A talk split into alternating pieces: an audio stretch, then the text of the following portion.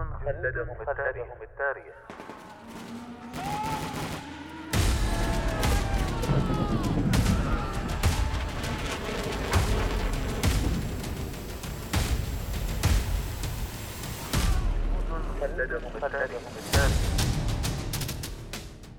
كم يفخر التاريخ العسكري برجال كتبوا سيرهم في سجلاته بحروف من الجهد والتضحية والعطاء. فبقت أسماؤهم خالدة باقية مثالا لمعنى الجندية التي دبت خطواتها كل شبر من أرض الوطن. جنود خلدهم التاريخ. برنامج أسبوعي نتعرف من خلاله على الجنود الذين ضحوا بحياتهم من أجل أوطانهم. يعده الدكتور هلال بن سعيد الحجري. ويقدمه المقدم الركن. محمد بن سعيد المشيخي.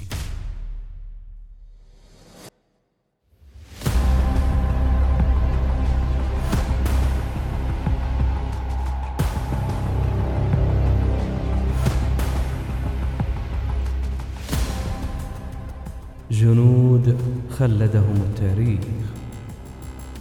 ليونارد جراهام فولر.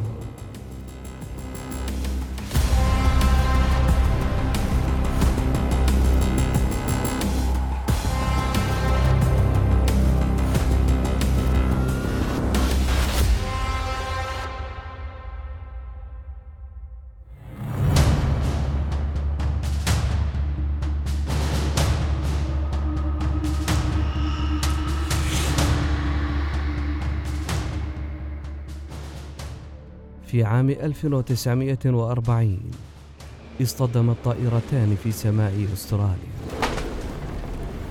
لم تكن هناك وفيات والأمر الأكثر لفتا للنظر هو أن الطيار المسؤول عن إنقاذ الطائرتين عوقب بالحبس.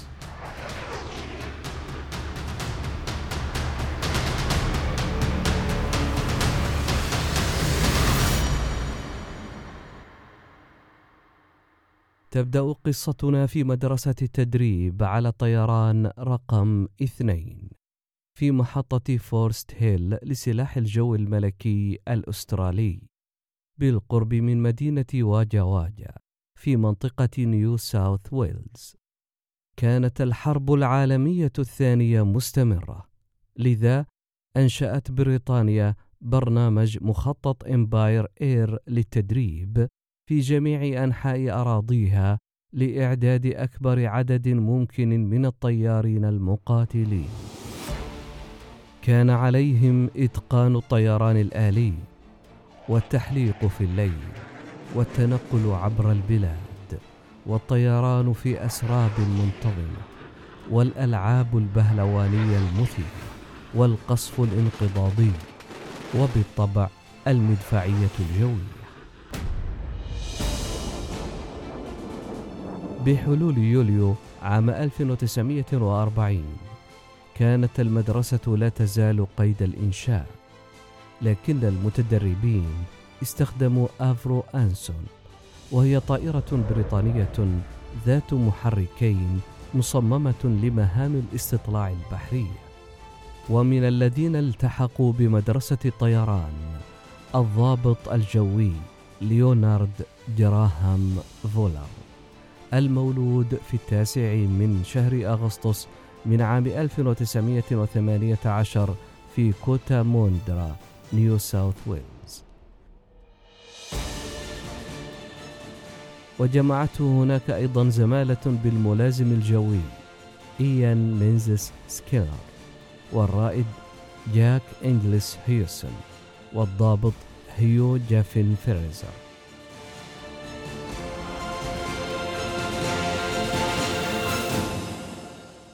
في التاسع والعشرين من شهر سبتمبر من عام 1940 ذهب الرجال في تمرين على الطيران عبر البلاد. قاد فولر الطائرة 4876 إن مع سينكلير بصفته القبطان بينما قاد هيوسون الطائرة 9162 إل مع فريزر كان من المقرر أن يحلقوا فوق بلدتي كوروا ونارانديرا قبل العودة إلى القاعدة. سارت الأمور على ما يرام حتى وصلوا إلى مدينة بروكلسبي وهي مكان صغير جدا لدرجة أن معظم الأستراليين لم يعرفوا بوجودها حتى جاء فولر كان الرجال على ارتفاع ألف قدم عندما اتخذوا ميلا التفافيا. وبعد ذلك انحدر كل شيء من هناك بمعنى الكلمة. طار هيوسون قليلا أسفل طائرة فولر وحين فقد الأخير رؤيته حدث الاصطدام.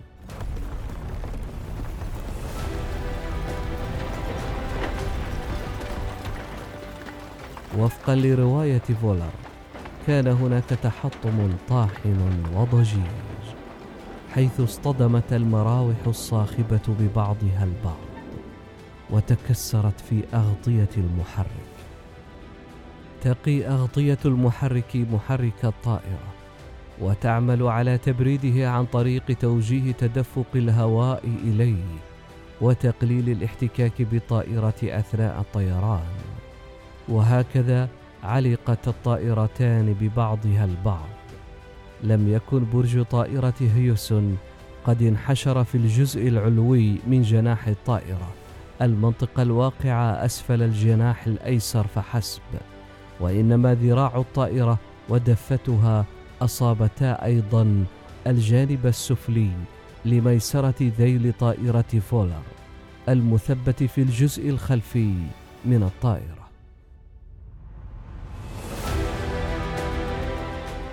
لا يمكن أن يكون الأمر قد ازداد سوءا لكنه حدث. توقفت محركات فولر عن العمل وقد حاول إعادة تشغيلها لكنها كانت عالقة. كما أن مراوح طائرته قد اصابت طائرة هيوسون بالفعل قبل أن تنفجر.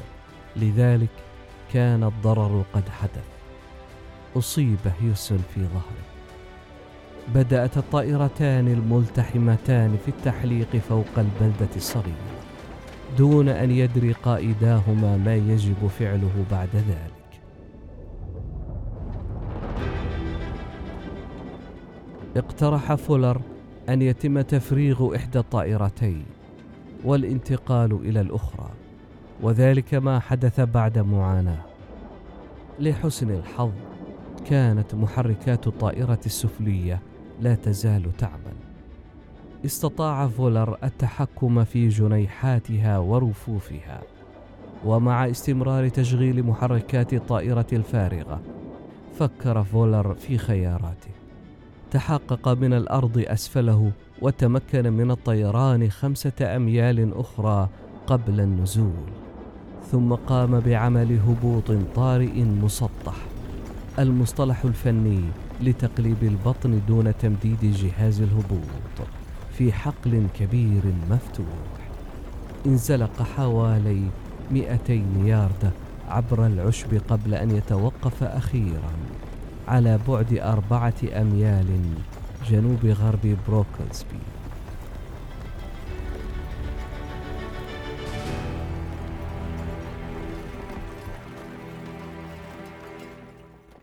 وعندما طلب منه توضيح أجاب حسنا سيدي لقد فعلت كل ما طلب منا القيام به في الهبوط الاضطراري في أرض قريبة قدر الإمكان من منزل أو مزرعة وإذا أمكن في أرض مفتوحة لقد فعلت كل ذلك. هناك مزرعة وقمت بدورتين دائرتين وهبطت في حقل مفتوح.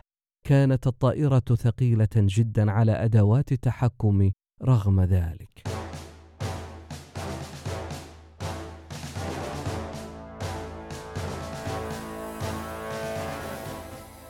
وسائل الإعلام أحبت ذلك. كان من الممكن القضاء على قرية بروكلسبي. أصبح فولر بطلا.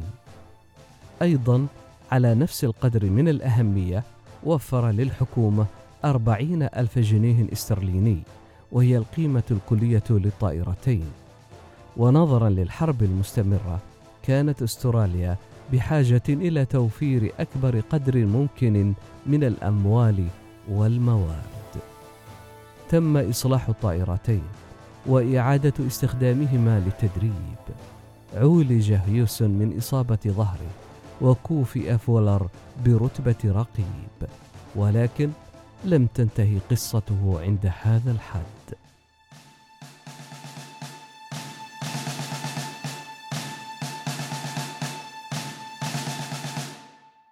أراد سلاح الجو الملكي الأسترالي التحقيق في الحادث بشكل كامل. لذلك وضعوا أوامر بمنع نشر أي شيء أثناء قيامهم بذلك. لسوء الحظ لم يستطع فولر مقاومة الأضواء الإعلامية فأجرى عدة مقابلات.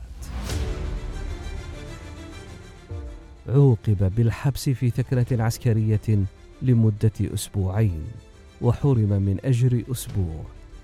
في الشهر التالي أشادوا به وأرسلوه إلى أوروبا، حيث حصل على وسام الطيران المتميز في مارس من عام 1942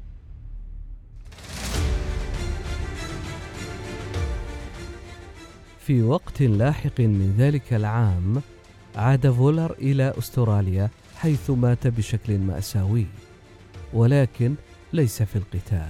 أثناء ركوب دراجته بالقرب من مدينة سيل في الثامن عشر من شهر مارس من عام 1944 صدمته حافلة. قتل الرجل الذي نجا من حادث تصادم جوي وعدة معارك جوية على الأرض بواسطة وسائل النقل العام. وهكذا أصبح فولر من الجنود الذين خلدهم التاريخ.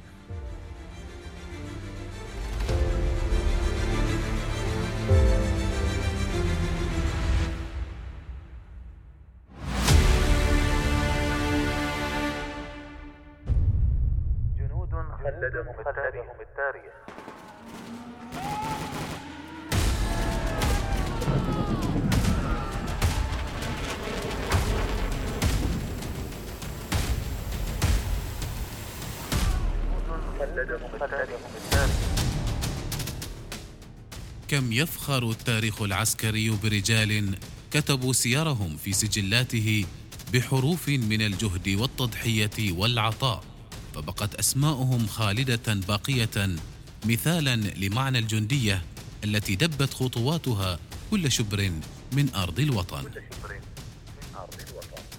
جنود خلدهم التاريخ. برنامج أسبوعي نتعرف من خلاله على الجنود الذين ضحوا بحياتهم من أجل أوطانهم.